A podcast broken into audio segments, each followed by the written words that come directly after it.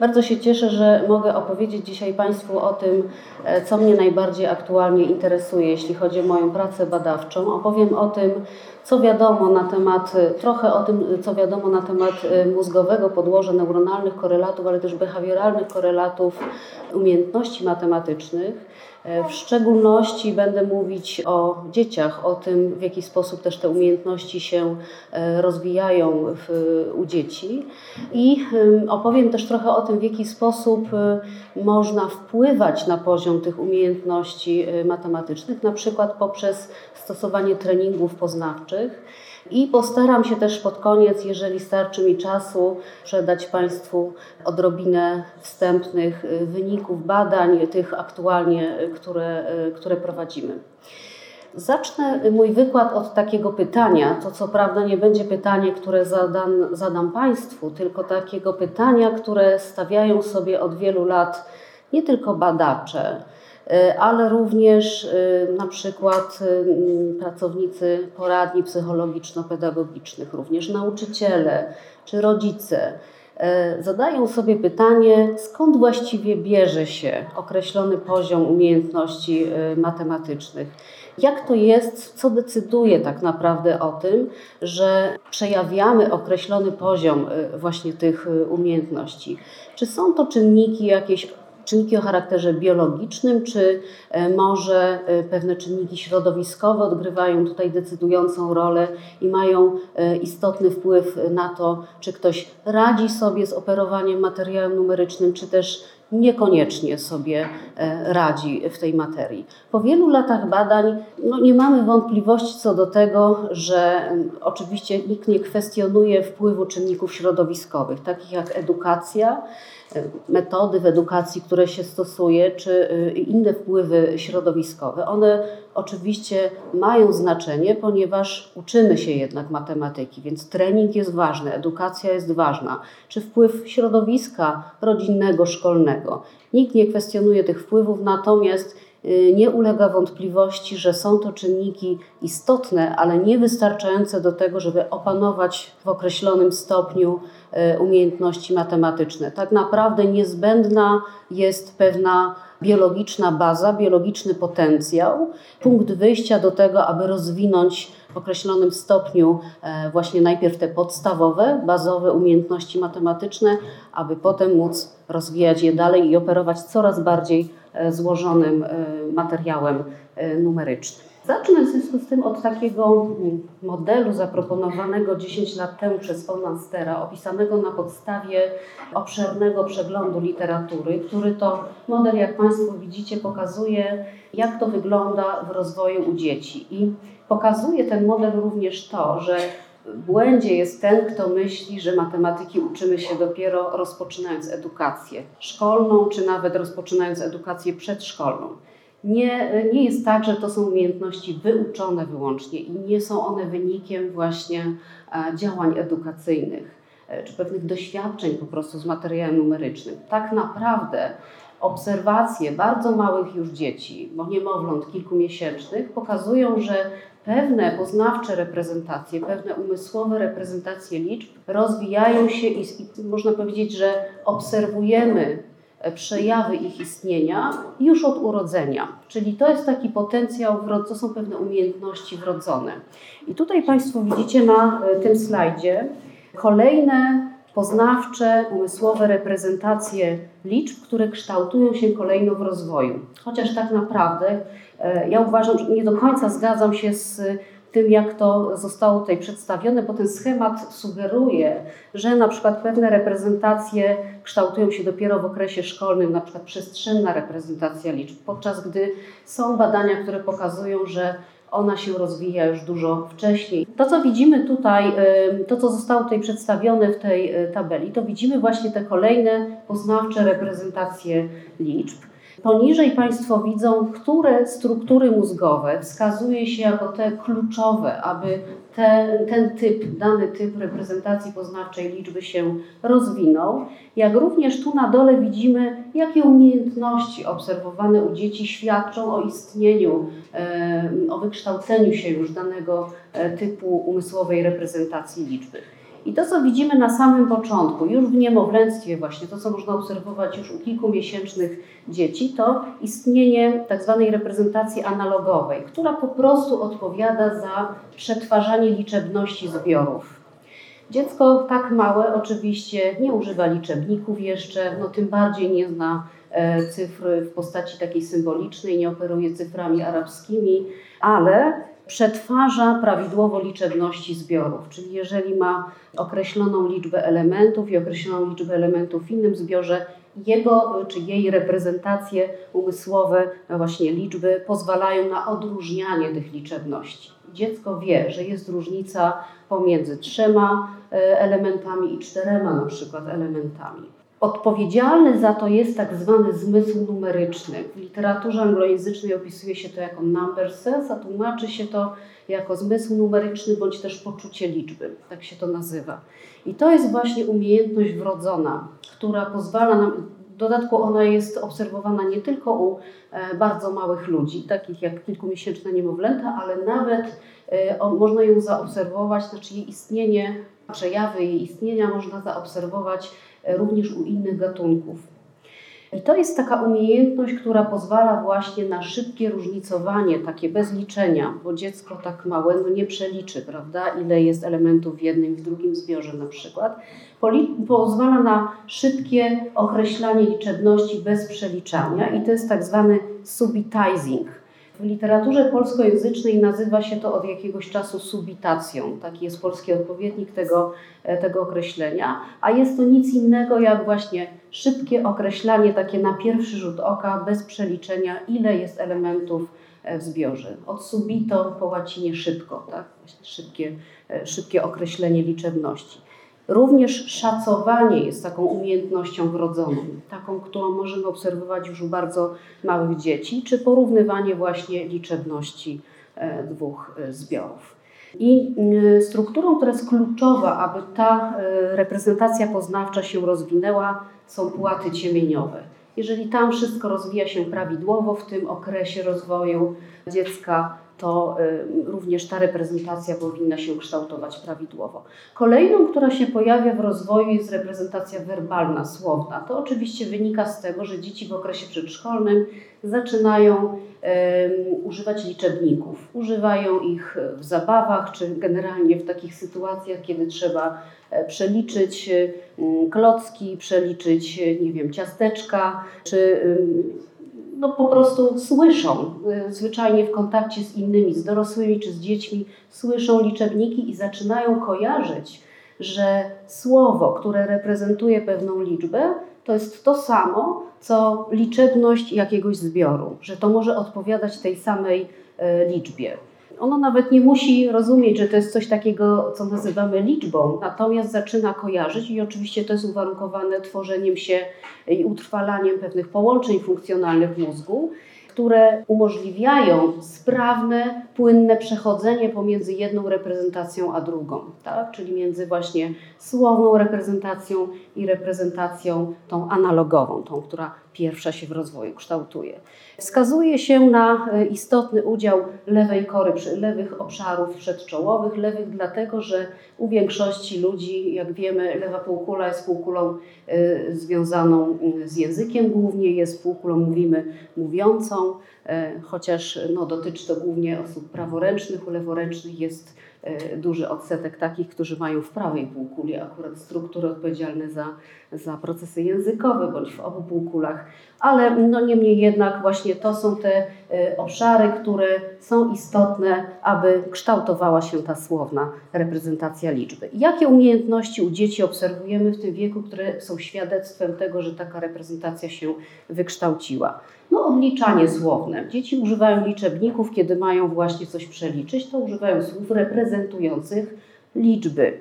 U dzieci w tym wieku również na przykład rozwijają się pewne strategie, poznawcze strategie liczenia, które ułatwiają szybkie liczenie. Mówimy o strategiach dojrzałych, takich, które usprawniają po prostu proces przetwarzania materiału numerycznego.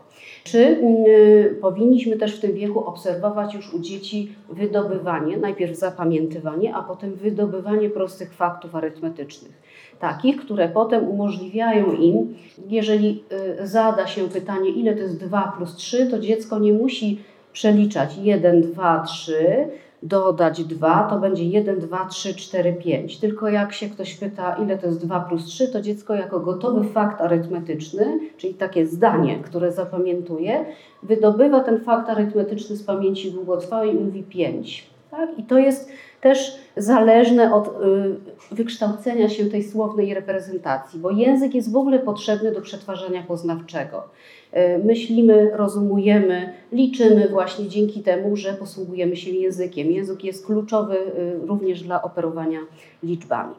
Kolejna reprezentacja. Dzieci w pewnym wieku poznają symbole, które reprezentują również liczby, czyli reprezentacja taka wzrokowa, symboliczna, która jest związana z tym, że dzieci posługują się liczbami w formacie takim arabskim i wiedzą, że pewien symbol, pewna liczba e, w postaci właśnie wyrażona w postaci symbolu arabskiego reprezentuje to samo co jakieś słowo, które odpowiada tej liczbie, czy właśnie to jest to samo co zbiór określonej e, liczbie e, elementów.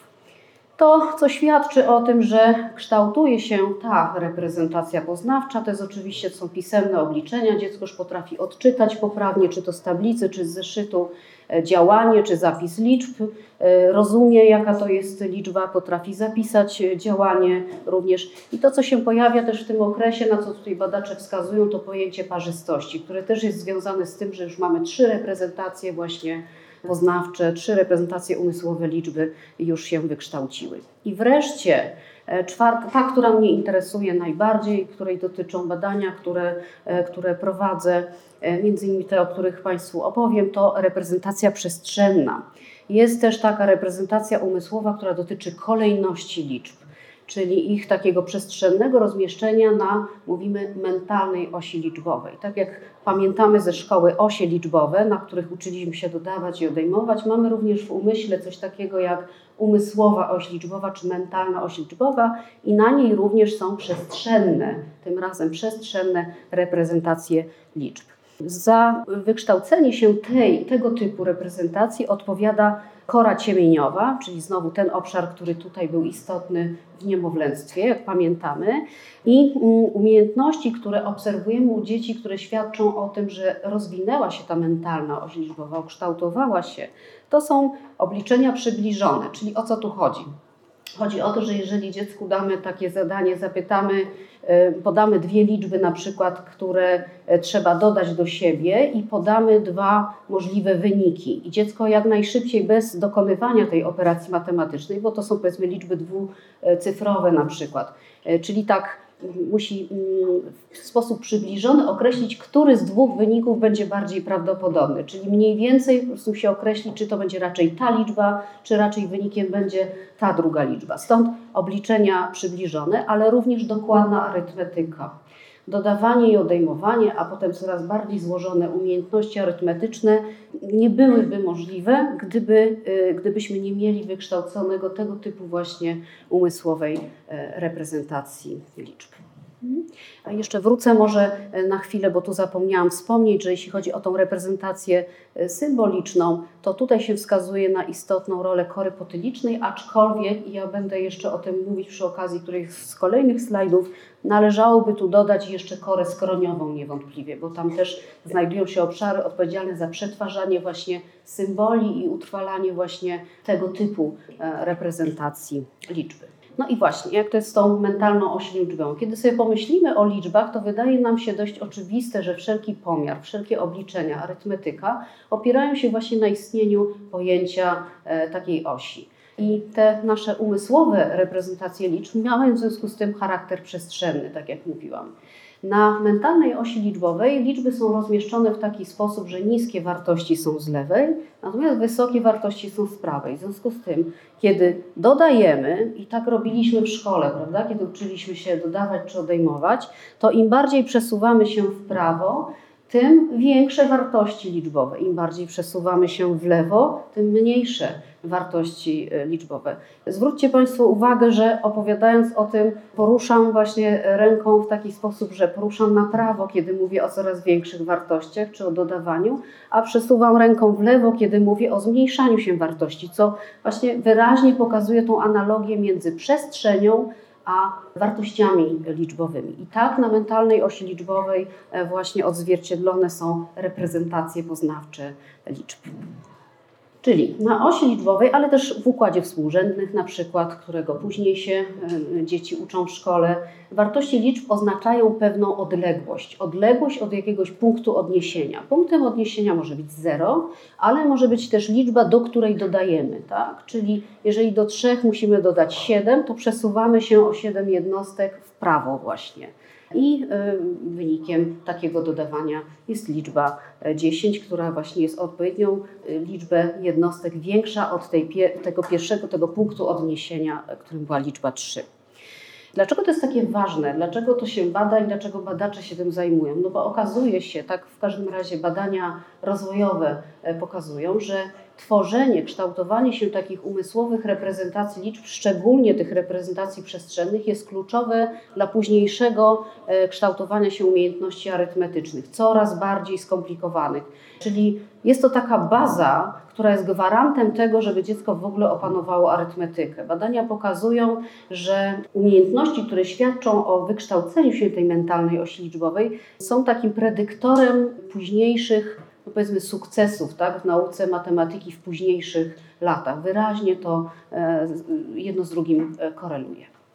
Chciałam e, krótko powiedzieć o, możliwie krótko, chciałam opowiedzieć o pewnych efektach, które dowodzą właśnie istnienia takich przestrzennych, umysłowych reprezentacji liczb, które świadczą o tym, jak ścisła jest zależność pomiędzy liczbami i przestrzenią. Oczywiście pierwsze wyniki badań, które e, były świadectwem tego, że analiza przestrzeni, przetwarzanie e, wzrokowo-przestrzenne i przetwarzanie liczb mają jakiś wspólny mianownik w mózgu, e, mają coś wspólnego ze sobą, były wyniki badań klinicznych, czyli po prostu obserwacja skutków uszkodzenia płatów ciemieniowych, które jak Państwo pamiętacie są istotne z punktu widzenia przetwarzania informacji numerycznej. Otóż pacjenci po uszkodzeniach właśnie kory ciemieniowej wykazywali zaburzenia w zakresie zarówno operowania materiałem liczbowym, jak i w zakresie operowania e, materiałem przestrzennym, tak, w zakresie uwagi przestrzennej również.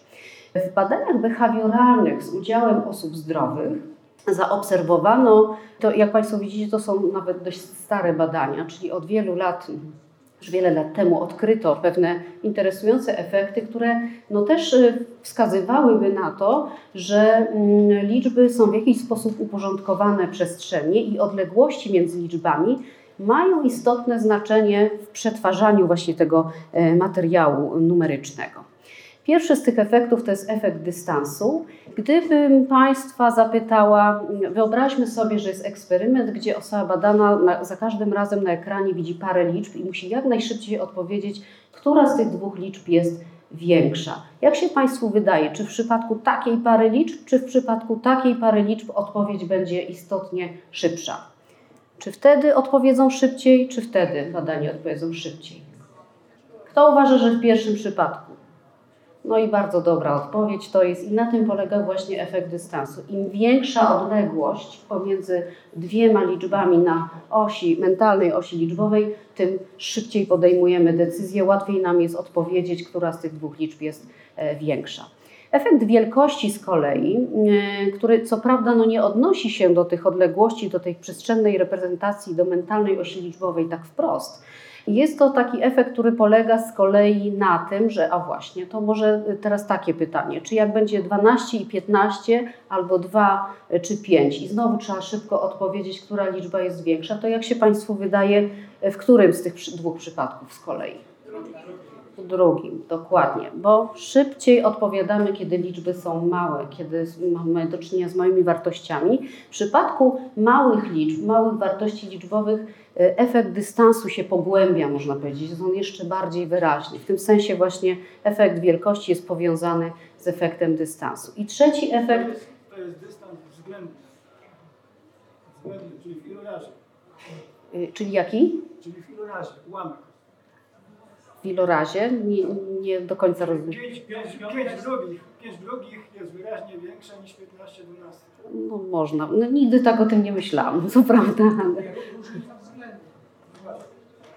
No tak, no bo y, de facto różnica jest taka sama, prawda? Między 15, 12 i 15, jak i 2 i 5. To jest ta sama różnica, prawda? Ale różnica względna jest zupełnie inna. Tak, tak, zgadza się. E, trzeci to jest efekt SNARK. On nie ma polskiego odpowiednika. SNARK pochodzi, to jest skrót od e, Special Numerical e, Association of Response Codes i zaraz troszeczkę więcej akurat o tym efekcie Państwu opowiem. Ale jeszcze, zanim opowiem o efekcie SNARK, dwa słowa o tym, jakie znaczenie mają małe liczby. To a propos efektu wielkości. Badacze się zastanawiają, dlaczego szybciej reagujemy na małe liczby, dlaczego szybciej je odpamiętujemy, jak się okazuje, dlaczego szybciej, dlaczego łatwiej w ogóle liczby, małe liczby przyciągają na przykład naszą uwagę, bo też takie efekty się obserwuje e, w badaniach. No i mm, tutaj jest dyskusja, czy jest to skutek jakiś, czy to jest skutek praktyk edukacyjnych, że kiedy uczymy się liczb, to zaczynamy od liczb małych, więc one są takie od dawna, że tak powiem, w naszym życiu e, obecne, najbardziej utrwalone i z automatu, można powiedzieć, szybciej na nie reagujemy. Czy może po prostu codziennego doświadczenia?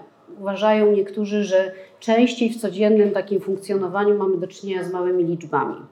No ale czy rzeczywiście są badacze, którzy wskazują na to, że niekoniecznie uważają, że wcale nie z małymi liczbami, bo ci, którzy uważają, że częściej obcujemy z małymi liczbami, no to może mają rację rzeczywiście, bo palców mamy 10, kiedy coś na palcach odliczamy. Wsiadamy do windy, to mamy 5 czy 10 guzików. Kiedy musimy coś zapisać w punktach, to tych punktów zazwyczaj jest mało. Na kostce do gry mamy 6 e, oczek maksymalnie i tak dalej, i tak dalej. Ale są tacy, którzy uważają, że właśnie wcale nie. Najczęstsze nasze doświadczenia dotyczą liczb dużych, wielocyfrowych. Na przykład ceny, na przykład pieniądze, którymi operujemy. Tu oczywiście złośliwi zawsze stwierdzą, no zależy kto, e, wiadomo, ale generalnie często to są liczby wielocyfrowe które być może e, jednak z drugiej strony jakoś upraszczamy i może nie do końca rzeczywiście operujemy liczbami dużymi. Kwestia dyskusyjna. Ale nie chcę się nad tym zatrzymywać, bo boję się, że nie zdążę. Efekt SNARK teraz, y, na czym on polega? W latach 90. odkryto taki ciekawy efekt, y, który mm, polega na tym, że kiedy w tym eksperymencie, w którym wykazano jego istnienie, mm, okazało się, że kiedy osobom badanym prezentuje się centralnie na ekranie liczbę jednocyfrową, bo ten efekt najładniej y, wykazano, najklarowniej wychodzi dla liczb jednocyfrowych, kiedy prezentuje się cyfrę z prośbą, aby ocenić, czy jest ona parzysta, czy nieparzysta, czyli zwracam Państwu uwagę, wartość liczbowa nie ma znaczenia w wykonaniu tego zadania, bo parzystość trzeba było oceniać to osoby, jeżeli mm, zgodnie z instrukcją do zadania, na przykład instrukcja jest taka, że reaguj prawą ręką, jeżeli jest parzysta, lewą, jeżeli jest nieparzysta. Jeżeli zgodnie z instrukcją wymagana jest reakcja prawą ręką, a liczba jest duża, to znaczy wyższej wartości liczbowej, to badani reagują szybciej na taką liczbę, niż jeżeli zgodnie z instrukcją lewą ręką mają na nią zareagować. I odwrotnie dla liczb niskich. Jeżeli mają zareagować lewą ręką na niską liczbę, to reagują szybciej niż gdyby mieli zareagować e, prawą. To oczywiście domyślamy się, że połowa badanych miała odwrotną instrukcję, czyli parzyste lewa, nieparzyste prawa. Generalnie wykazano, że jest związek pomiędzy stroną, po której na mentalnej osi liczbowej liczba się znajduje i stroną reagowania. Czyli jak prawą ręką trzeba na wysoką liczbę zareagować, to szybciej reagujemy niż gdybyśmy mieli reagować lewą, co tutaj widzimy. Właśnie tak schematyczny wykres pokazuje, że w przypadku takich, takiej zgodności pomiędzy stroną na osi liczbowej i stroną reakcji, e, w przypadku takiej zgodności czas reakcji jest istotnie krótszy. Tu jest taki eksperyment, który pokazał, że e, liczby przesuwają ognisko naszej uwagi. I robią to w sposób automatyczny, nie mamy oczywiście nad tym kontroli. Uwaga jest przesuwana w lewą lub w prawą stronę, zgodnie z tym, gdzie liczby znajdują się na naszej mentalnej osi liczbowej. Wystarczy sama prezentacja, mimo że badani nie mieli nic z tą liczbą robić.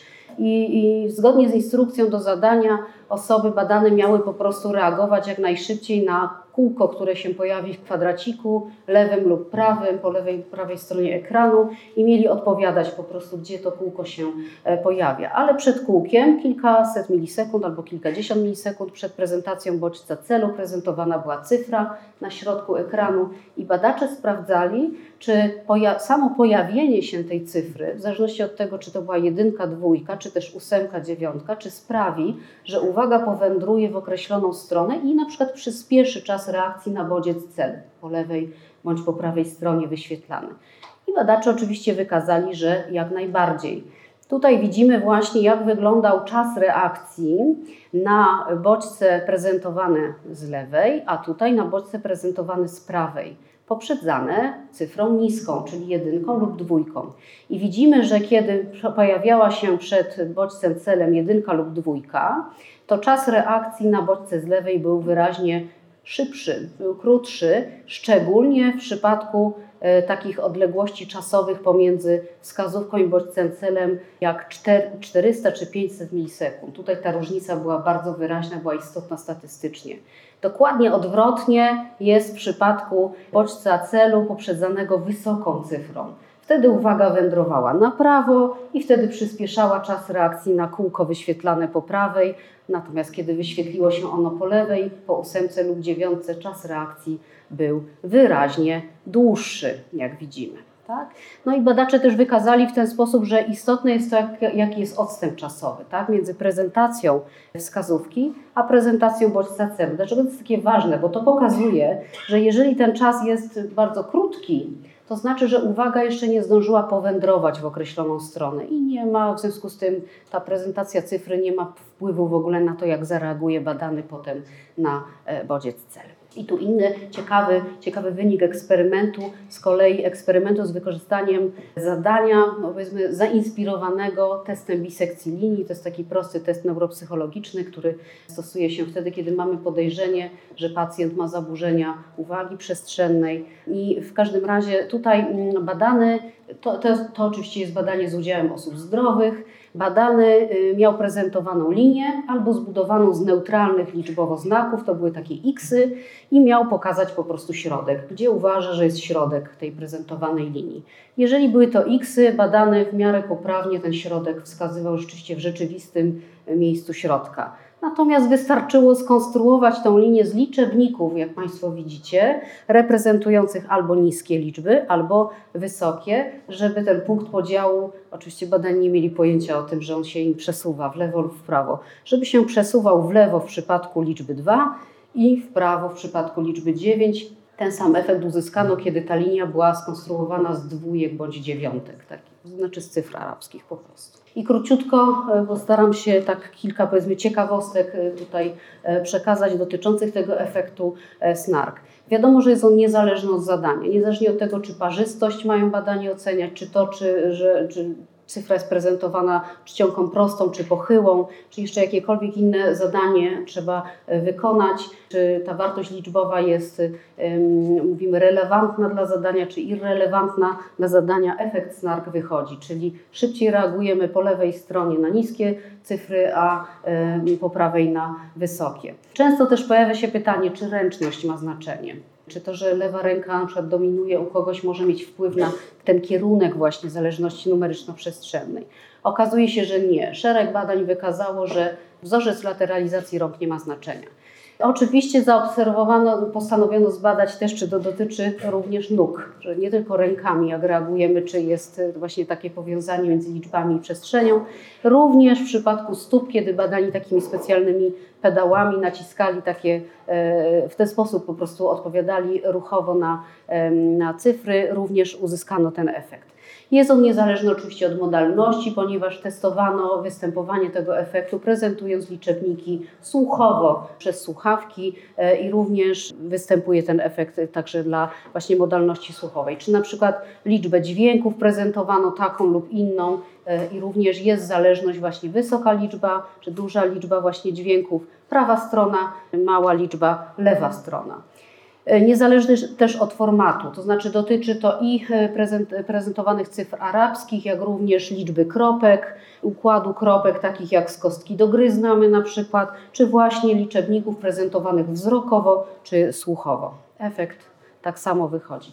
To są takie ciekawe wyniki, które pokazują, że kierunek właśnie tej y, układ y, przestrzenny tej mentalnej osi liczbowej, czy ten efekt snark, niskie lewa, wysokie prawa, jest zależny od języka, którym się posługujemy, a konkretnie od tego, czy w danym języku, którym się posługujemy, czytamy i piszemy od lewej do prawej, czy odwrotnie, bo są oczywiście takie kraje, gdzie pisze się od prawej do lewej e, i w związku z tym sprawdzono, czy to ma jakiś wpływ na właśnie ten, ten kierunek tej zależności numeryczno-przestrzennej. Okazało się, że tak, że w krajach, w których pisze się odwrotnie, efekt snark jest albo odwrotny, albo on jest bardzo słaby. To pokazuje, że gdyby tylko kultura miała wpływ na to, czyli tylko to, jak się uczymy tych liczb, czyli y, wpływy takie edukacyjne miałyby wpływ na to, kształtowałyby tą naszą mentalną oś liczbową, to w tych krajach, gdzie pisze się odwrotnie, efekt zawsze powinien być odwrotny. Efekt snark zawsze powinien być niskie prawa, wysokie lewa, a tak nie jest. Co tylko wskazuje na to, że muszą być tutaj jakieś czynniki biologiczne, które od początku, od urodzenia determinują jednak ten układ lewo, e, a efekty kulturowe tylko się na to nakładają tak? i mogą w związku z tym niwelować ten efekt snark przez kierunek pisma czy czytania. Co więcej, e, efekt snark zależy też od kontekstu, w jakim prezentujemy liczby. Okazało się, że jeżeli badanym e, się zaprezentuje bądź prosi się o wyobrażenie linijki albo tarczy zegara, to ma to istotny wpływ na kierunek tego efektu. Jeżeli badany widzi czy wyobraża sobie linijkę, to kierunek efektu snark jest normalny, nazwałabym to. Jeżeli e, tarczę zegara e, odwraca się albo słabnie. Dlaczego? Dlatego, że na tarczy zegara liczby niskie mamy z kolei po prawej, prawda, a wysokie po lewej, czyli E, na odwrót. I oczywiście też pytano, w jakim stopniu zależy to od edukacji i doświadczenia. Pewne amerykańskie badania przeprowadzone przeszło 10 e, lat temu sugerowały, że dopiero u dziewięcioletnich e, amerykańskich dzieci można zaobserwować efekt snark. Po czym w Polsce przeprowadzono badania, które pokazały, że wcale nie, że już u 3 i 4-latków efekt snark można zaobserwować. Oczywiście trzeba skonstruować w odpowiedni sposób zadania dla takich małych dzieci, które wykazałyby istnienie takiego efektu. Dzieci wskazywały, który z dwóch prezentowanych zbiorów elementów na ekranie jest większy, gdzie jest więcej i w ten sposób wykazano, że u takich małych dzieci również już jest to skojarzenie e, prawa strona większe wartości, lewa strona e, mniejsze wartości. No i wreszcie, gdzie w mózgu to jest zlokalizowane? Co w mózgu odpowiada za istnienie, znaczy za, za, za operowanie właśnie materiałem liczbowym?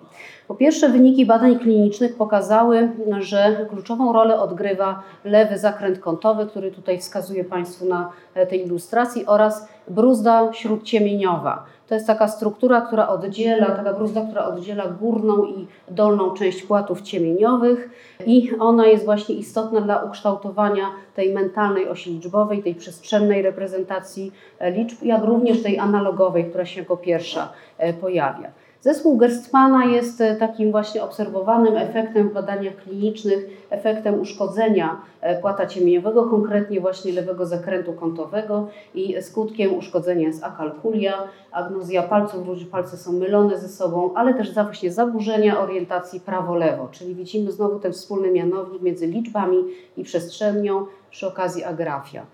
E, wskazuje się też na pewną asymetrię półkulową, za co innego odpowiada lewa, za co innego prawa półkula, chociaż odchodzi się już bardzo wyraźnie od tego podziału. Nowsze badania wskazują, że nawet w, właśnie w arytmetyce e, odmienny jest udział lewej i prawej półkuli, w zależności od tego, czy dodajemy, czy odejmujemy, czy mnożymy na przykład. Tu jeszcze jeden slajd, który pokazuje, jak to się ma do tych czterech reprezentacji e, poznawczych liczb, o których wspomniałam na początku. Więc przestrzenne reprezentacje to bruzda śródciemieniowa, którą tu widzimy z góry z kolei. Te wzrokowe, symboliczne reprezentacje liczb to brzuszne okolice potyliczno-skroniowe, więc widzimy tutaj ta kora skroniowa się pojawia System reprezentacji słownych to z kolei obszar wokół bruzdy Sylwiusza, który widzimy tutaj, czyli bruzdy bocznej. Jest to struktura powiązana z funkcjami językowymi. I wreszcie ta analogowa pierwsza reprezentacja, z którą się rodzimy, to znowu bruzda śródciemieniowa. I teraz, jeżeli coś pójdzie nie tak w rozwoju tych struktur, szczególnie właśnie w obrębie tych sieci ciemieniowo-czołowych, jeżeli te struktury nie rozwiną się prawidłowo, mamy do czynienia z czymś takim jak dyskalkulia rozwojowa. Mówimy, że to jest jedna z proponowanych definicji tego zaburzenia. Dyskalkulia to zaburzenie dotyczące nabywania podstawowych, jak widzimy, umiejętności matematycznych, przy czym podstawowych jest tutaj kluczowym słowem, bo to dotyczy takich naprawdę bazowych, podstawowych umiejętności, nie jakiejś bardzo zaawansowanej e, matematyki przy jednoczesnym intelektualnym poziomie, poziomie takim w normie, adekwatnym do wieku dziecka. Czyli dziecko intelektualnie jest w normie, jedynie wybiórczo z matematyką zupełnie sobie e, nie radzi. Chociaż ta niezależność od intelektualnej normy jest teraz bardzo szeroko e, dyskutowana wśród e, na przykład no właśnie psychologów praktyków. Tu taka też definicja zaproponowana przez Wydział Edukacji i Umiejętności, która wskazuje z jakimi trudnościami borykają się dyskalkulicy widzimy, że mm, przejawia taka osoba problemy ze zrozumieniem prostych reguł i zasad. Nie umie ich zastosować, nie rozumie, dlaczego takie, a nie inne wyniki dają takie, a nie inne e, działania arytmetyczne. Nie stosuje też e, skutecznych, dojrzałych strategii poznawczych. Kiedy na przykład ma dwa zbiory do siebie dodać, dziecko nie zaczyna od większego, co jest typową mm, dojrzałą strategią poznawczą. Bardzo długo utrzymuje się liczenie na palcach i tym podobne właśnie takie niedojrzałe strategie. Dyskalkulik często uczy się bezmyślnie, bezrefleksyjnie, w związku z tym potem, kiedy już jest w liceum, na przykład mówi, że matematyka jest dla niego czarną magią, bo nie rozumie, jakie reguły rządzą po prostu tymi operacjami matematycznymi. Uczy się często właśnie na pamięć. Trudno mu jest e, pojąć, dlaczego na przykład wynik, który podaje, jest absurdalny. Bo dyskalkulicy na przykład, co jest charakterystyczne, do jednym z takich objawów, które możemy zaobserwować, kiedy dziecko dyskalkuliczne ma dodać do siebie dwie liczby dwucyfrowe, nagle otrzymuje wynik pięciocyfrowy, który jest niemożliwy, ale no, nie rozumie dlaczego. Tak? Taki wynik mu wychodzi i uważa, że jest, e, że jest prawidłowy. Dyskalkulicy też mają ogromny problem na przykład z szacowaniem. Szacowanie, przypomnę, to jest ta umiejętność, którą mamy od urodzenia, która jest przejawem działania tego zmysłu numerycznego. E, dyskalkulik nie umie szacować. Gdyby go zapytać na przykład teraz, jak myślisz, ile ludzi siedzi na tej sali, to by na przykład powiedział e, milion i uważałby, że jest to y, równie prawdopodobna odpowiedź jak y, odpowiedź na przykład 120 osób, tak? czy 200 na przykład osób, czy 50 e, osób. No, każda odpowiedź może mu się wydać, bo on tak po prostu szacuje. Więc to jest takie zgadywanie trochę. Czy gdyby go zapytać, jakiej wysokości jest budynek, na przykład na który patrzy, każdy z nas jest w stanie z grubsza oszacować wysokość. Dyskalkulik nie. Powiedziałby na przykład, że ta sala ma wysokość 10 metrów być może. Tak?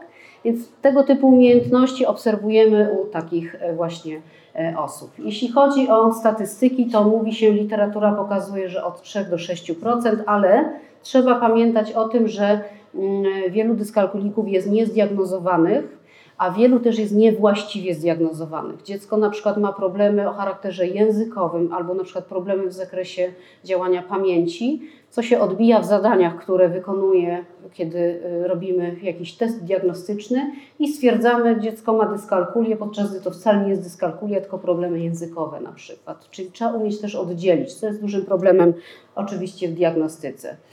I dyskalkulia jest upośledzeniem właśnie tego zmysłu numerycznego, co się przejawia w wykonaniu różnych takich zadań, które są odzwierciedleniem działania tego zmysłu numerycznego, a to wszystko jest efektem dysfunkcyjnego e, działania E, kory ciemieniowej. Tu Państwo widzicie, jakie są różnice w statystykach podawanych w literaturze. Nie będę się może nad tym e, zatrzymywać, tylko jeszcze może zwrócę uwagę na to, że na przykład w Wielkiej Brytanii aż do 25% uważa się, że jest takich osób, które mają niski poziom umiejętności matematycznych, czyli jest to poważny problem społeczny. E, uważa się też, że osoby, które mają dyskalkulię, mają większy problem ze znalezieniem pracy niż dyslektycy na przykład więc jest to poważna sprawa, którą warto się na pewno zająć. Tu jest taki slajd powiedzmy podsumowujący, który pokazuje, że wracam do tego pytania, od którego zaczęłam. Różne czynniki decydują o tym, jaki poziom umiejętności matematycznych się e, kształtuje u nas. Z jednej strony biologia, bo predyspozycje genetyczne też, też wiadomo, że, e, że jeżeli na przykład e, mamy bliźnięta jednojajowe, to jeżeli jedno z nich jest dyskalkulikiem, jest duże prawdopodobieństwo, że drugie również będzie dyskalkulikiem, kiedy porównamy to z bliźniętami dwujajowymi. Tak? Czy ogólnie z populacją osób nie powiązanych ze sobą w ten sposób genetycznie. Różne problemy okołoporodowe mogą się przyczyniać, czy też właśnie to, że współwystępuje dyskalkulia z innymi zaburzeniami, które mają również biologiczne podłoże, neurobiologiczne podłoże, też wskazuje na wyraźny wpływ czynników e, biologicznych.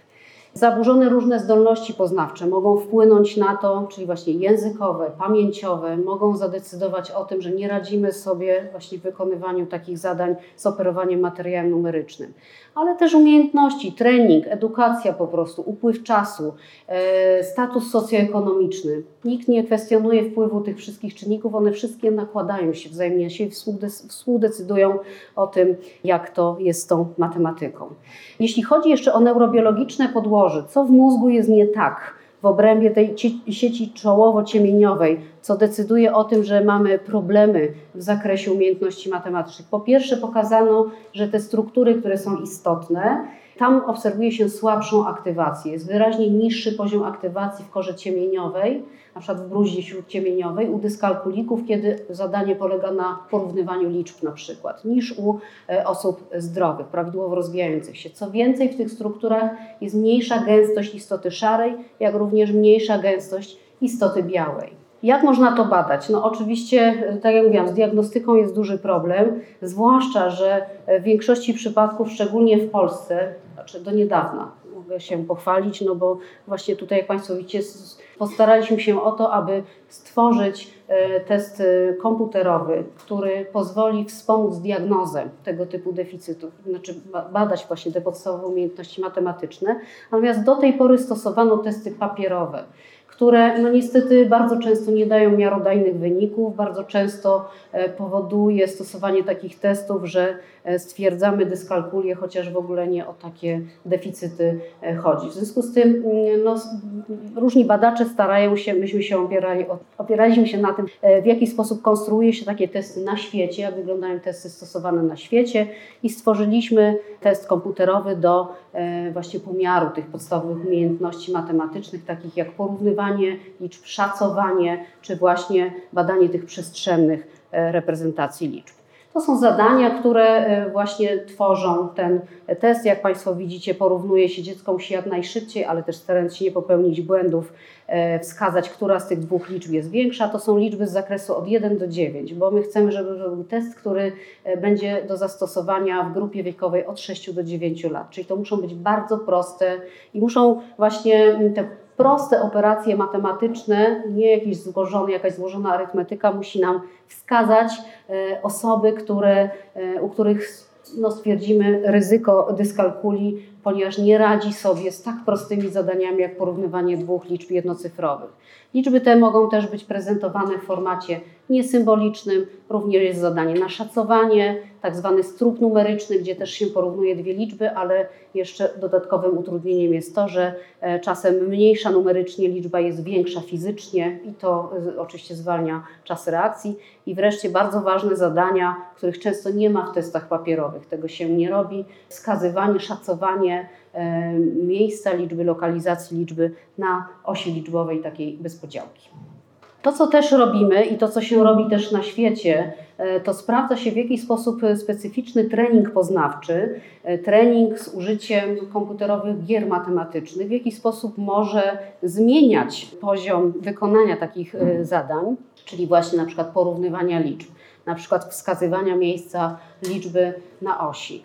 I takie badania się robi. Ja za chwilę pokażę, jakie są y, wyniki niektórych y, tych badań, jak również y, pokażę krótko wstępne wyniki naszych badań z tego zakresu.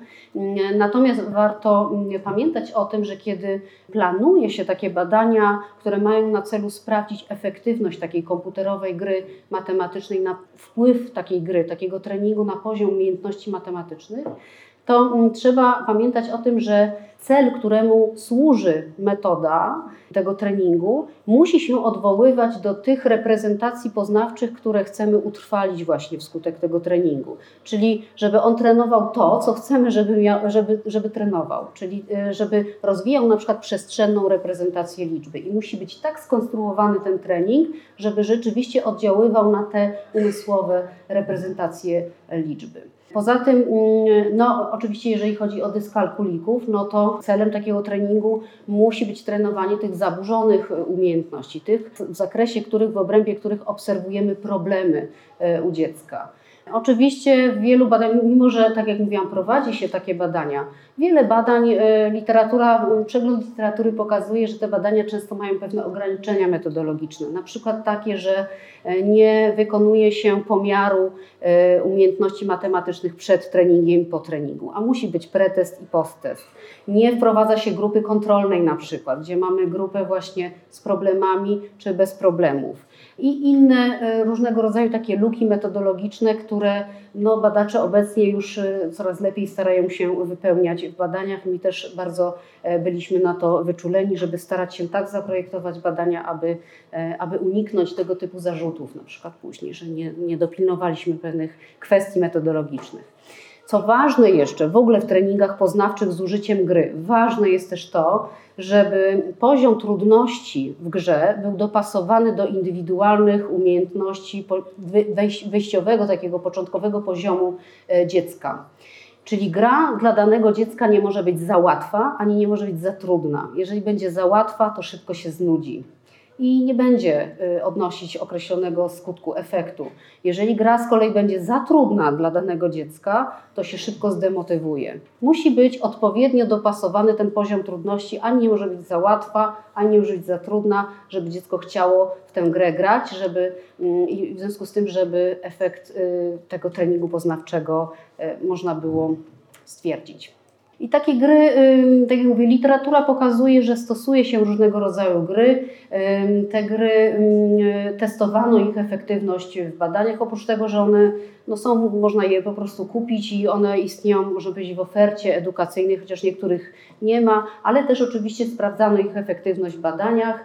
E, te gry najczęściej polegają na tym, że na przykład dziecko porównuje e, dwie liczebności, liczebności dwóch zbiorów, musi szybko określić, e, w którym zbiorze jest więcej. Jeżeli prawidłowo odpowie, przesuwa się na przykład o określoną liczbę pól, czy zdobywa jakieś nagrody, zbiera punkty, czy na przykład musi określić, który z wybranych zbiorów jest takim samym zbiorem jak E, zbiór prezentowany, czyli właśnie znowu dopasowywanie liczebności e, zbiorów, czy też takie gry, e, które mają na celu kształtowanie tej przestrzennej reprezentacji liczb, czyli mm, muszą dzieci na osi liczbowej bez podziałki, takiej właśnie pustej, bez liczb, bez podziałki, muszą wskazać, gdzie by umieściły daną liczbę, która tutaj akurat w, na takiej rakiecie, którą musi dziecko wylądować, na tej osi liczbowej, która tu jest zaprezentowana, ta liczba tu jest prezentowana w postaci symbolicznej bądź w postaci e, liczby kropek, czyli niesymbolicznej, albo działanie na przykład i musi tą liczbę umieścić gdzieś w określonym miejscu, czyli oszacować miejsce liczby na osi na tym slajdzie Państwo widzicie, no może te wyniki nie są jakieś spektakularne, to znaczy nie jest tak, że te gry poprawiają absolutnie wszystko. Niemniej jednak jakieś efekty można zauważyć i badacze wskazują, że mm, na przykład Number Race jest taka gra, gdzie dziecko właśnie liczebności, dwa zbiory porównuje ze sobą, gdzie jest więcej. Ona na przykład poprawia umiejętności w zakresie porównywania liczb, y, zarówno w formacie symbolicznym niesymbolicznym. Usprawnia to szybkie określanie liczebności, czyli ten subitizing, ale też umiejętność odejmowania, czyli pewną podstawową arytmetykę. Czy na przykład inna gra powoduje wzrost poziomu umiejętności porównywania liczb znowu, czy też y, poprawa jest y, w przypadku tej gry z tą rakietą w zakresie działań arytmetycznych i właśnie tych relacji numeryczno-przestrzennych. Jest jedna praca właściwie tylko. To wynika z tego, że takie badania z treningiem poznawczym z udziałem dzieci to nie jest łatwa sprawa, o czym sama się miałam okazję przekonać. A jeszcze jak się do tego właśnie badanie mózgowego podłoża dokłada, to tym bardziej sprawa się komplikuje. W każdym razie jest jedna praca, która pokazała e, oprócz takich behawioralnych rezultatów wpływu treningu z użyciem gry matematycznej, badacze przyjrzeli się również temu, co się zmienia w mózgu wskutek oddziaływania takiego, takiej gry matematycznej. Jak Państwo widzicie, najpierw porównali badacze, jakie są wzorce aktywacji mózgu u grupy kontrolnej i w grupie dyskalkulików. To są te dolne obrazki. Widzimy, że u dyskalkulików podczas takich operacji matematycznych, jak porównywanie dwóch liczb, e, bardzo ubogie są te e, aktywacje. Czyli tak jak mówiłam, dużo niższa, dużo słabsza jest ta aktywacja w tych obszarach, które są kluczowe dla przetwarzania materiału numerycznego. Po treningu, kiedy wzięto pod uwagę razem wszystkie dzieci, tak, wzorzec aktywacji mózgu, zaobserwowano, że mm, zaobserwowano redukcję e, aktywacji w pewnych obszarach. Co jest akurat efektem, to jest zgodne z tym, co mówi literatura na temat e, obniżenia się poziomu aktywacji w przypadku dobrze wytrenowanych umiejętności, czyli taka automatyzacja następuje, w związku z tym mózg zużywa coraz mniej energii do przetwarzania danego materiału, bo się wyuczył dobrze. Tak? W związku z tym u tych dzieci zaobserwowano spadek tej aktywacji i tak się interpretuje. Ale jak przyjrzeli się mózgowi dyskalkulików, to zauważyli, że w tych obszarach, które były dysfunkcyjne, zauważyli wzrost. Kiedy porównywano aktywację sprzed treningu z aktywacją po treningu, nastąpił wzrost aktywacji u tych dzieci, w tej grupie dzieci po odbyciu tej serii treningów z grą e, matematyczną. Duże znaczenie ma też ruch, jak się okazuje, i prowadzono takie badania w ostatnich latach, które e, pokazały, że jeżeli dodatkowo jeszcze dzieci grają w taki sposób, że angażuje się ruch całego ciała albo chociaż ruch rąk, takie duże e, ruchy, e, czy nóg, ten, ta efektywność gry, ten, to, to oddziaływanie gry matematycznej jest jeszcze większe jeszcze bardziej wyraźne są te e, wyniki, mm, lepsze wyniki, skutek odbycia e, tego e, treningu. Tutaj były, to są takie badania na przykład, które, w których użyto takich mat tanecznych, gdzie właśnie dzieci miały odpowiadać, która liczba, czy, czy prezentowana liczba jest większa niż jakaś liczba odniesienia i miały właśnie używać do tego ruchu całego ciała, można powiedzieć, czy przeskakiwać tak, z pola na pole, więc było zaangażowanie całego ciała i taki, taki trening jest tym bardziej efektywny. No to króciutko teraz co myśmy chcieli zrobić. Myśmy również użyli stworzonej u nas w laboratorium e, gry matematycznej, komputerowej gry matematycznej. Mamy ją w dwóch wersjach. Dzieci, część dzieci grała na komputerze po prostu za pomocą myszki i, e, i klawiatury, a część dzieci z wykorzystaniem Kinecta. To jest taka wersja, gdzie właśnie e, Kinect rejestruje ruchy e, rąk dziecka i dziecko w ten sposób steruje statkiem kosmicznym, który się porusza i który musi pokonywać przeszkody. Za chwilę pokażę, jak ta gra wygląda. No oczywiście schemat badania jest taki, że najpierw mierzymy poziom umiejętności matematycznych dzieci, potem dzieci odbywają trening. Jest 10 takich sesji półgodzinnych treningowych. Część dzieci gra e, w tą e, grę komputerową tak standardowo na komputerze, e, część dzieci z Kinectem. Jeszcze używaliśmy gry kontrolnej, która okazała się być strasznym niewypałem niestety. I oczywiście część dzieci nie odbywa żadnego treningu, żeby można było zobaczyć, czy to jest efekt grania, czy w ogóle po prostu powtórnego zbadania umiejętności matematycznych. Na końcu oczywiście robimy jeszcze raz te testy, plus dodatkowo jeszcze jest pomiar inteligencji. Gra wygląda w ten sposób e, mniej więcej. Dziecko porusza się, taka jest w stylu retro, jak Państwo widzicie. I mm, dziecko porusza się takim statkiem kosmicznym, który leci i ma pokonywać przeszkody. Na przeszkodach się wyświetlają liczby, albo w formacie symbolicznym, albo niesymbolicznym, a na dole jest taka jakby oś liczbowa właśnie. I dziecko musi poruszać tym suwakiem za pomocą myszki, żeby ustawić się pod tą liczbą, która jest tutaj wyświetlana na przeszkodzie. Jeżeli ustawi się pod właściwą liczbą, za pomocą spacji trafia w tą przeszkodę i jeżeli E, właśnie trafi w, to, w tą liczbę, która tu się znajduje, może przelecieć przez tunel, który tu powstaje i e, leci dalej. Oprócz tego, tak jak mówiłam, jest wersja z Kinectem, gdzie gra jest wyświetlana na ścianie. Tu jest Kinect przed dzieckiem i dziecko poruszając prawą ręką przesuwa ten suwak, który jest na dole. Natomiast ruchem takim właśnie, ruchem lewej ręki trafia w przeszkodę. Ja celowo mówię trafia, chociaż intuicyjnie pewnie się Państwu wydaje, że powinno powiedzieć strzela, tak? Po prostu w ten klocek, który tam z tą liczbą się znajduje. Ale nas nauczyciele bardzo uczulali na to, że trenując właśnie dzieci, trenując tą grą, nie możemy używać słowa strzela, bo się znajdą rodzice, którzy będą twierdzić, że właśnie tutaj utrwalamy jakieś takie wzorce niekoniecznie pożądane, że ze strzelaniem jest gra. Prawda jest taka, że potem jak po badaniu robimy taki kwestionariusz krótki z dzieckiem, gdzie się chcemy dowiedzieć, jak ocenia tą grę, grę i pytamy, co Ci się najbardziej podobało w tej grze, to mówią strzelanie. No, dzieci odpowiadają, że strzelanie. No i to jest tak strzelanie. Choćbyśmy nie wiem ile razy mówili trafianie, to dziecko i tak uważa, że strzela do tych klocków. To taka uwaga na boku zupełnie, tak? Króciutko, jakie są wyniki? Po pierwsze, ja mówiłam, że była gra kontrolna, ale no jak porównaliśmy, sprawdziliśmy w analizie, e, czy jest wpływ rodzaju gry właśnie, gra matematyczna versus gra e, kontrolna. To była zupełnie inna gra, aczkolwiek no, bohater, że tak powiem, gry poruszał się też od lewej do prawej i pokonywał przeszkody, bo chcieliśmy, żeby to była tego rodzaju gra. Nie było liczb oczywiście. Okazało się, że nie ma wpływu rodzaju gry, natomiast w grupie, która grała w tą grę matematyczną, czas reakcji w zadaniach, gdzie było porównywanie liczb, która liczba większa, był krótszy, czyli dzieci szybciej porównywały liczby, ale niestety okazało się potem, że kosztem poprawności. Kiedy przyjrzeliśmy się poprawności, to dzieci szybciej wykonywały, ale więcej było błędów co nam zasugerowało, że musimy baczniej się przyglądać temu, jaką dzieci mają motywację w wykonywaniu post-testu, kiedy drugi raz robimy ten test komputerowy, bo być może zależy im na tym, żeby szybko skończyć i e, trzeba w związku z tym bardziej motywować dzieci, trzeba się przyglądać temu, czy nie przeklikują tych zadań, żeby starały się jednak no, zachować tą poprawność e, wysoką, że trzeba szybko, ale również e, poprawnie.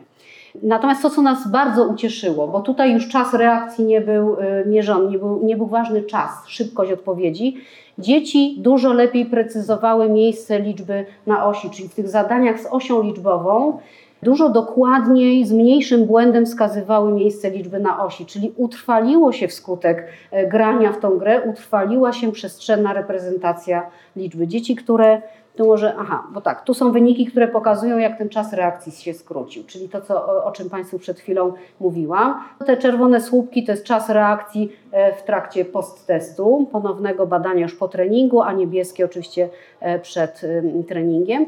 Natomiast to jest to, co właśnie zauważyliśmy w kwestii e, lokalizowania mm, miejsca liczby na osi, czyli właśnie wielkość szacowania tego miejsca liczby na osi. On jest mniejszy po treningu, jak widzimy, zarówno w przypadku cyfr, kropek, e, czy też mieliśmy jeszcze kropki tej samej wielkości i kropki różnej wielkości w poprzedniej wersji tego e, testu komputerowego.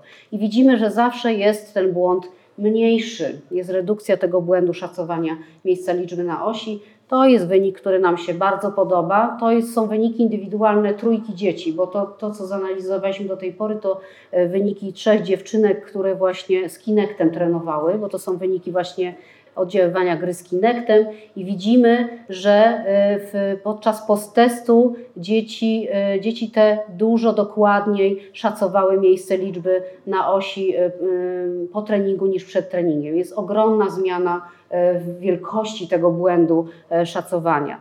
No tu jest może mniejsza trochę zmiana, ale no tu, tu też jest spora, tu jest bardzo duża zmiana na przykład, nie? czy na przykład tutaj.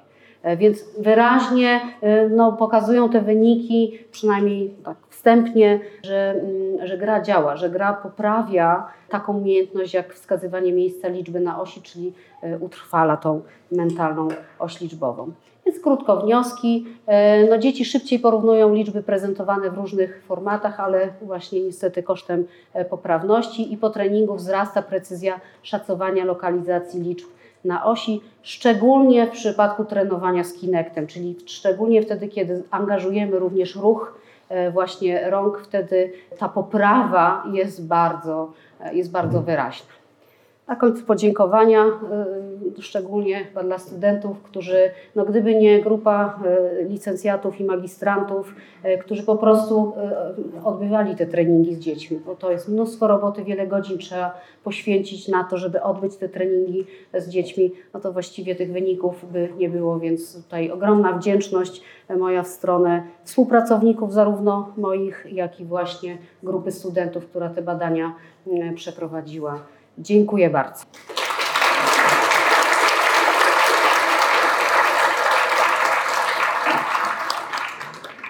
dwa pytania. Jedno odnosi się do tego no, wcześniej wspomnianego tematu, czyli tego efektu korelacji lewej i prawej strony z małymi i dużymi liczbami, tak. czy wcześniej i później. Czy to po prostu nie jest no, coś bardzo oczywistego, że człowiek uczy się i oczekuje pewnych rzeczy. Taka optymalizacja mózgu do skojarzenia, że zwykle duże rzeczy po prawej stronie występują no, w naszych kulturach, no, tak jak wskazały te badania, o których już Pani odpowiedziała, że w innych kulturach zwykle większe rzeczy po lewej stronie występują. Czy to jest po prostu Większe po lewej, czy większe po prawej? W tych innych kulturach. Aha, rozumiem, tak? Większe, i te mniejsze nasilenie tego efektu, czy może wynikać z tego, że w tych kulturach i tak jeśli czytają od prawej do lewej, to na matematyce osi czasu, czy tam jakieś wykresy i tak rysują od lewej do prawej, jak reszta świata. I właśnie dlatego jest słabszy, a nie jest odwrotny za każdym razem. Bo gdyby tylko kierunek pisma i czytania decydował o tym, jak wygląda ten efekt snark w tych kulturach, no to on byłby zawsze wyraźnie odwrotny a jednak no, ta, to, to, że on jest słabszy albo właśnie zanika zupełnie, nie występuje, pokazuje, że e, albo jakiś biologiczny właśnie potencjał, czyli jakieś umiejętności czy reprezentacje poznawcze, które już wcześniej się wykształciły, zanim się człowiek nauczył czytać czy pisać, zanim się, że tak powiem, wchłonął to, te, te, te, mm, ten wpływ kultury zadziałał, e, to, to pokazuje, że e, no nie samo czytanie i pisanie, że nie tylko to, czy takie właśnie no, obcowanie, jak Pan mówi, e, przyzwyczajenie się do pewnych kierunków decyduje o tym. Drugie pytanie jest o tych nieszczęśników, co mają dyskalkulię. Tak. Jak już się ich zdiagnozuje, że to mają, to co dalej?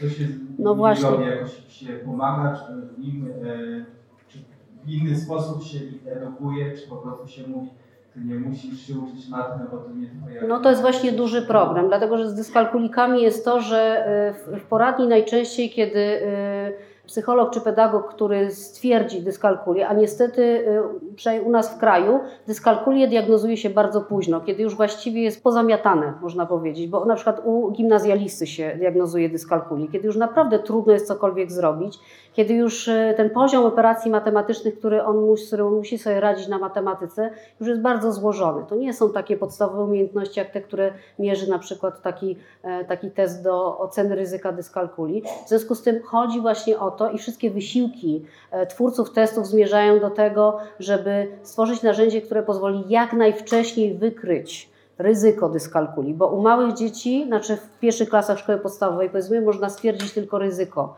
e, dyskalkulii, nie dyskalkulię. Dyskalkulię się diagnozuje e, dużo później. I jeżeli właśnie mamy możliwość stwierdzenia odpowiednio wcześnie, że jest jakiś problem, na przykład w zakresie szacowania czy w zakresie porównywania liczb, to możemy wcześniej podjąć działania. Na przykład takie jak treningi poznawcze, czy jakieś inne właśnie zabawy, które mają utrwalać pewne reprezentacje. Mózg jest plastyczny, więc mózg e, no jak pokazują w każdym razie badania, no to działa, tak? Jeżeli się trening zastosuje odpowiednie działania terapeutyczne e, odpowiednio wcześnie, to możemy próbować podnosić ten poziom umiejętności matematycznych u dzieci i one potem będą sobie z coraz bardziej złożonym materiałem lepiej radzić. Natomiast jeżeli to jest wiek gimnazjalny, no to już naprawdę jest trudno, y, trudno tutaj zadziałać, tak? Nie, bo to nie jest kwestia nauki. Nie, dyskalkulia to nie jest y, efekt niewłaściwego uczenia się. To są po prostu trudności z takimi naprawdę bardzo podstawowymi, w zakresie takich bardzo podstawowych umiejętności, jak porównanie dwóch liczb jednocyfrowych. To może trudno sobie wyobrazić, dopóki się nie widzi takiego dziecka dyskalkulicznego, na przykład 14-letni dyskalkulik, który wykonywał te y, zadania w tym naszym teście, widzi na ekranie dwie liczby, na przykład y, dwie, dwa zbiory kropek, trzy kropki i osiem kropek i on liczy wszystkie te kropki. Liczy, po czym naciska klawisz, gdzie jest więcej to, to trudno sobie wyobrazić, że to aż tak prostych e, umiejętności dotyczy, ale właśnie no, to, jest, to jest to. Czym wcześniej e, się takie dziecko zdiagnozuje, lepiej, tak jak przez chwilę powiedziała. To znaczy, czym wcześniej? Czy to na wieku przedszkolnym, nie wiem, 6-7 lat, w zależności jak dzieci idą do szkoły, czy tak jak Pani wiem, pierwsza klasa, dopiero na predyspozycję sprawdzić, tak? To znaczy, no te, ten, test, ten test, jak widzieliśmy, wymaga na przykład wykonania takich zadań jak porównanie dwóch liczb, która jest większa, kiedy operujemy już materiałem symbolicznym, czyli symbolami arabskimi. Młodsze dzieci, nie wiem, pięcio czy czteroletnie nie znają jeszcze tych symboli, więc takich zadań nie zastosujemy. Możemy się zastanowić, jakie inne. Na przykład obserwacje dziecka, kiedy e, w zabawach z liczeniem, kiedy na przykład e, prosimy po prostu o przeliczenie klocków pytamy dziecko, ile tych klocków jest i ma przeliczyć i dziecko liczy 1, 2, 3, 4, dochodzi do 10 i pytamy, to ile tych klocków jest. I dziecko, które, u którego mamy podejrzenie, że może być ryzyko dyskalkuli, że ma problem właśnie z, nie posługuje się regułą, taką zasadą, która mówi, że ostatni liczebnik oznacza liczebność całego zbioru, to takie pytanie potraktuje jako prośbę o ponowne przeliczenie. Czyli po przeliczeniu do 10 dziecko zdrowo rozwijające się, jak zapytamy, to ile jest tych klocków, to powie 10. A dziecko, które ma ryzyko dyskalkuli, e, zacznie liczyć je od nowa po prostu.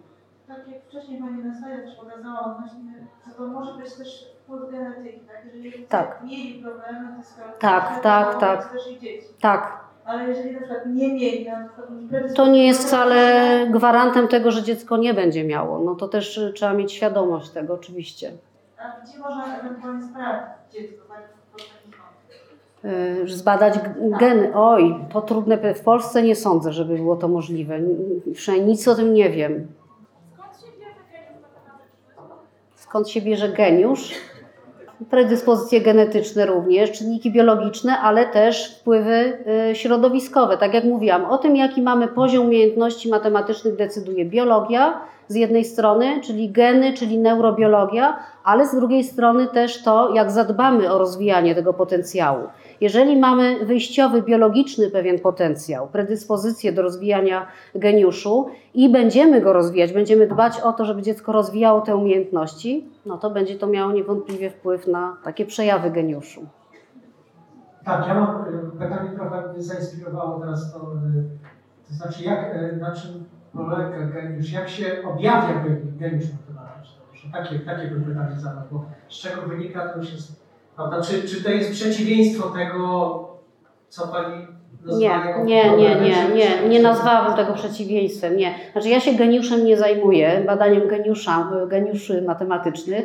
Taki test na przykład, jak ten czy inne, które się stosuje na świecie do diagnozowania problemów w zakresie matematyki, trzeba pamiętać o tym, że takie narzędzia nie pozwalają na to, żeby różnicować wyniki dzieci bardzo zdolnych i dzieci przeciętnych taki test, gdzie no, trzeba porównywać dwie liczby jednocyfrowe czy szacować, no to on nam tego nie pokaże. Jak mamy dziecko genialne i mamy dziecko przeciętne, czy prawidłowo rozwijające się po przeciętnym poziomie, no to oboje z tych dzieci wykonają ten test równie dobrze po prostu. Ja w zasadzie chciałem inne pytanie, bo generalnie e, e, na przykład w niektórych językach mówi się niemieckim odwrotnie liczebniku. Czy, czy to na przykład miał mieć jakieś, mogłoby mieć jakieś znaczenie? Nie wydaje no, mi się. Albo, albo e, drugie jeszcze pytanie, porównywanie dużych liczb, które, znaczy dużych, no minimum trzycyfrowych, które się tak samo zaczynają i tak samo kończą, mhm. a różnica jest w środku.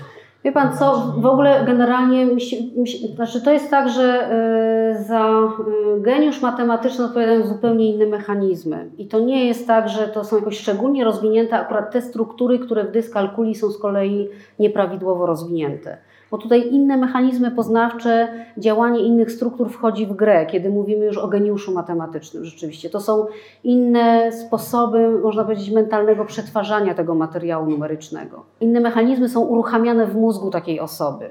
Zdolności matematyczne versus y, nazywa, choroba Aspergera, czy jakiś tam autyzm generalnie, czy takie pani badała rzeczy? Ja nie, nie, ja nie badałam, no, ale oczywiście tak, to współwystępuje. Mhm. Ja się chciałem jeszcze spytać, czy efekt znak, to czy to nie być skorelowany z leworęcznością i praworęcznością? Ale mówiłam o tym, że właśnie nie, nie ma wpływu ręczność, lateralizacja nie, nie. U leworęcznych on jest taki sam dokładnie jak u praworęcznych. Jedno uwagę, jedno pytanie. Pani używa e, terminu zdolności matematyczne zamiennie z terminem zdolności arytmetyczne. To, to jest prawda. Nie, nie, wcale nie używam zamiennie, nie. Bez przerwy była matematyka.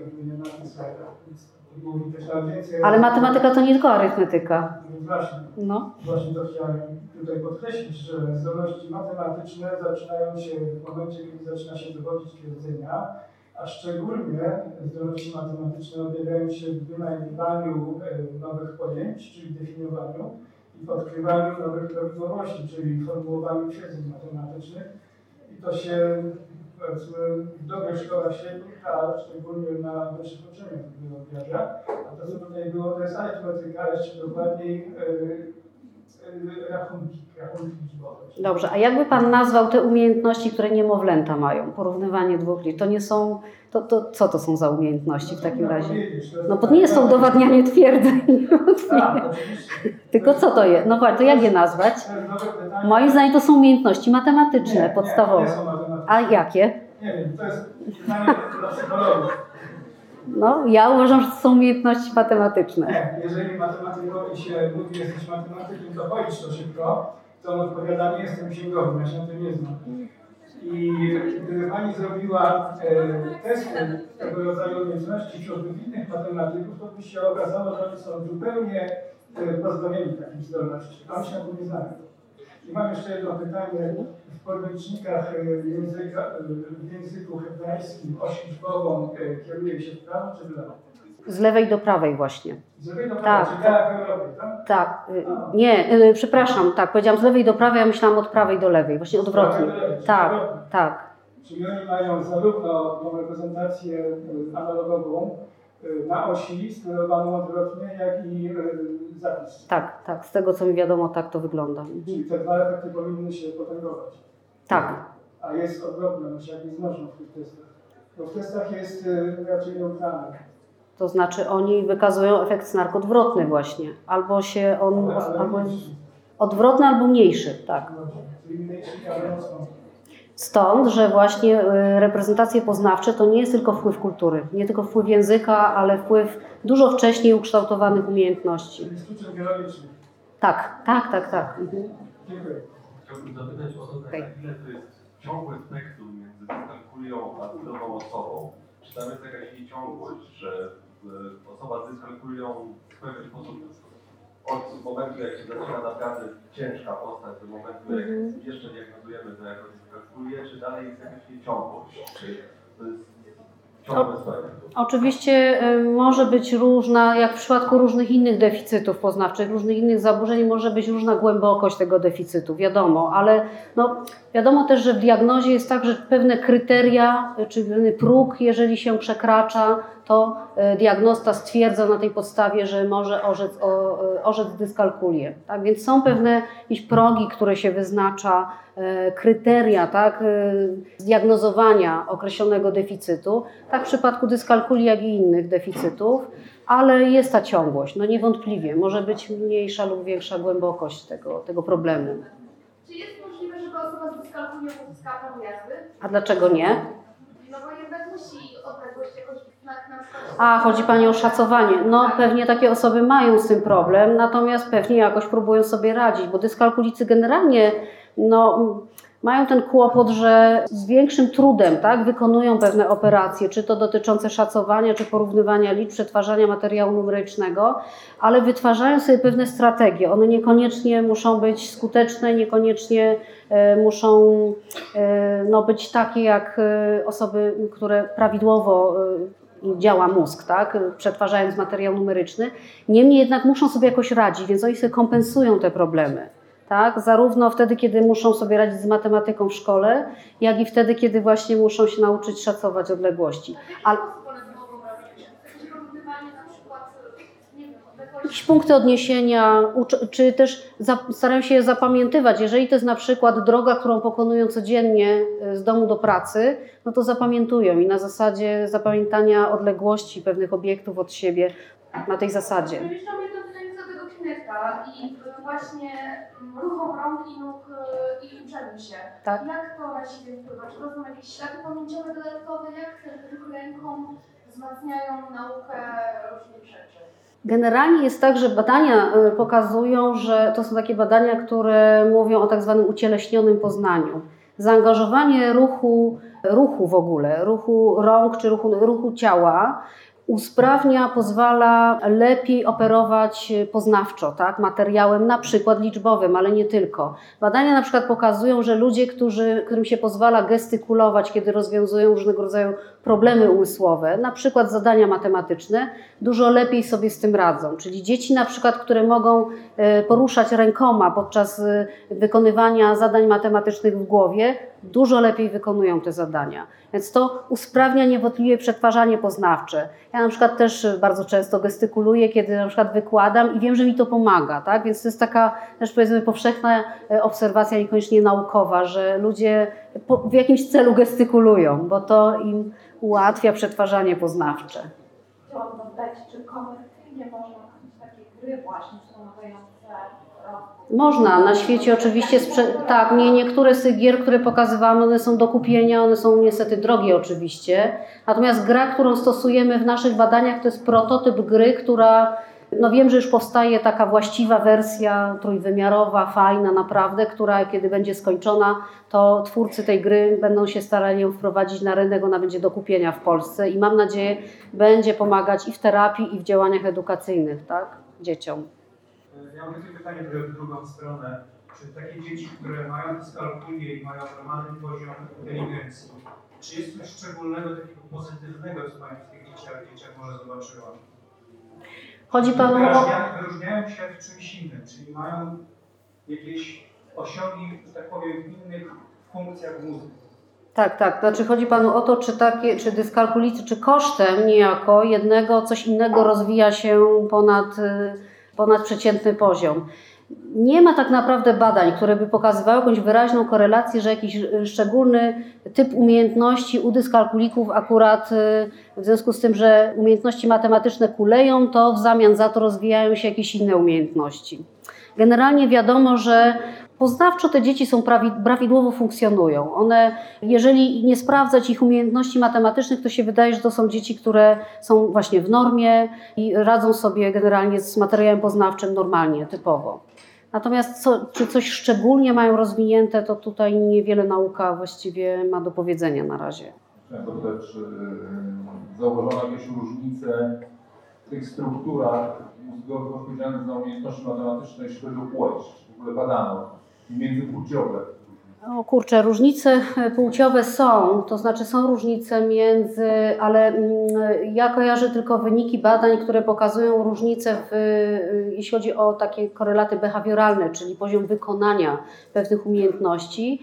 To mm, są różnice szczególnie wyraźne między mężczyznami i kobietami e, w zakresie takich już wysokich umiejętności, czyli e, jeżeli popatrzymy na tych najbardziej uzdolnionych, to tutaj są najbardziej wyraźne różnice. Natomiast nie znam szczerze mówiąc badań, które by pokazywały e, różnice w poziomie na przykład aktywacji tych struktur, na przykład e, płata ciemieniowego. Podczas wykonywania tego typu zadań matematycznych pomiędzy kobietami i mężczyznami, czy pomiędzy dziewczynkami i chłopcami, ale no niewątpliwie, no mózgi kobiet i mężczyzn się różnią. Ale więc... w samej strukturze mózgu, nie wielkości tych struktur odpowiedzialnych za czy to... Ja takich y, badań akurat nie znam, ale niewątpliwie kwestia jest bardzo interesująca.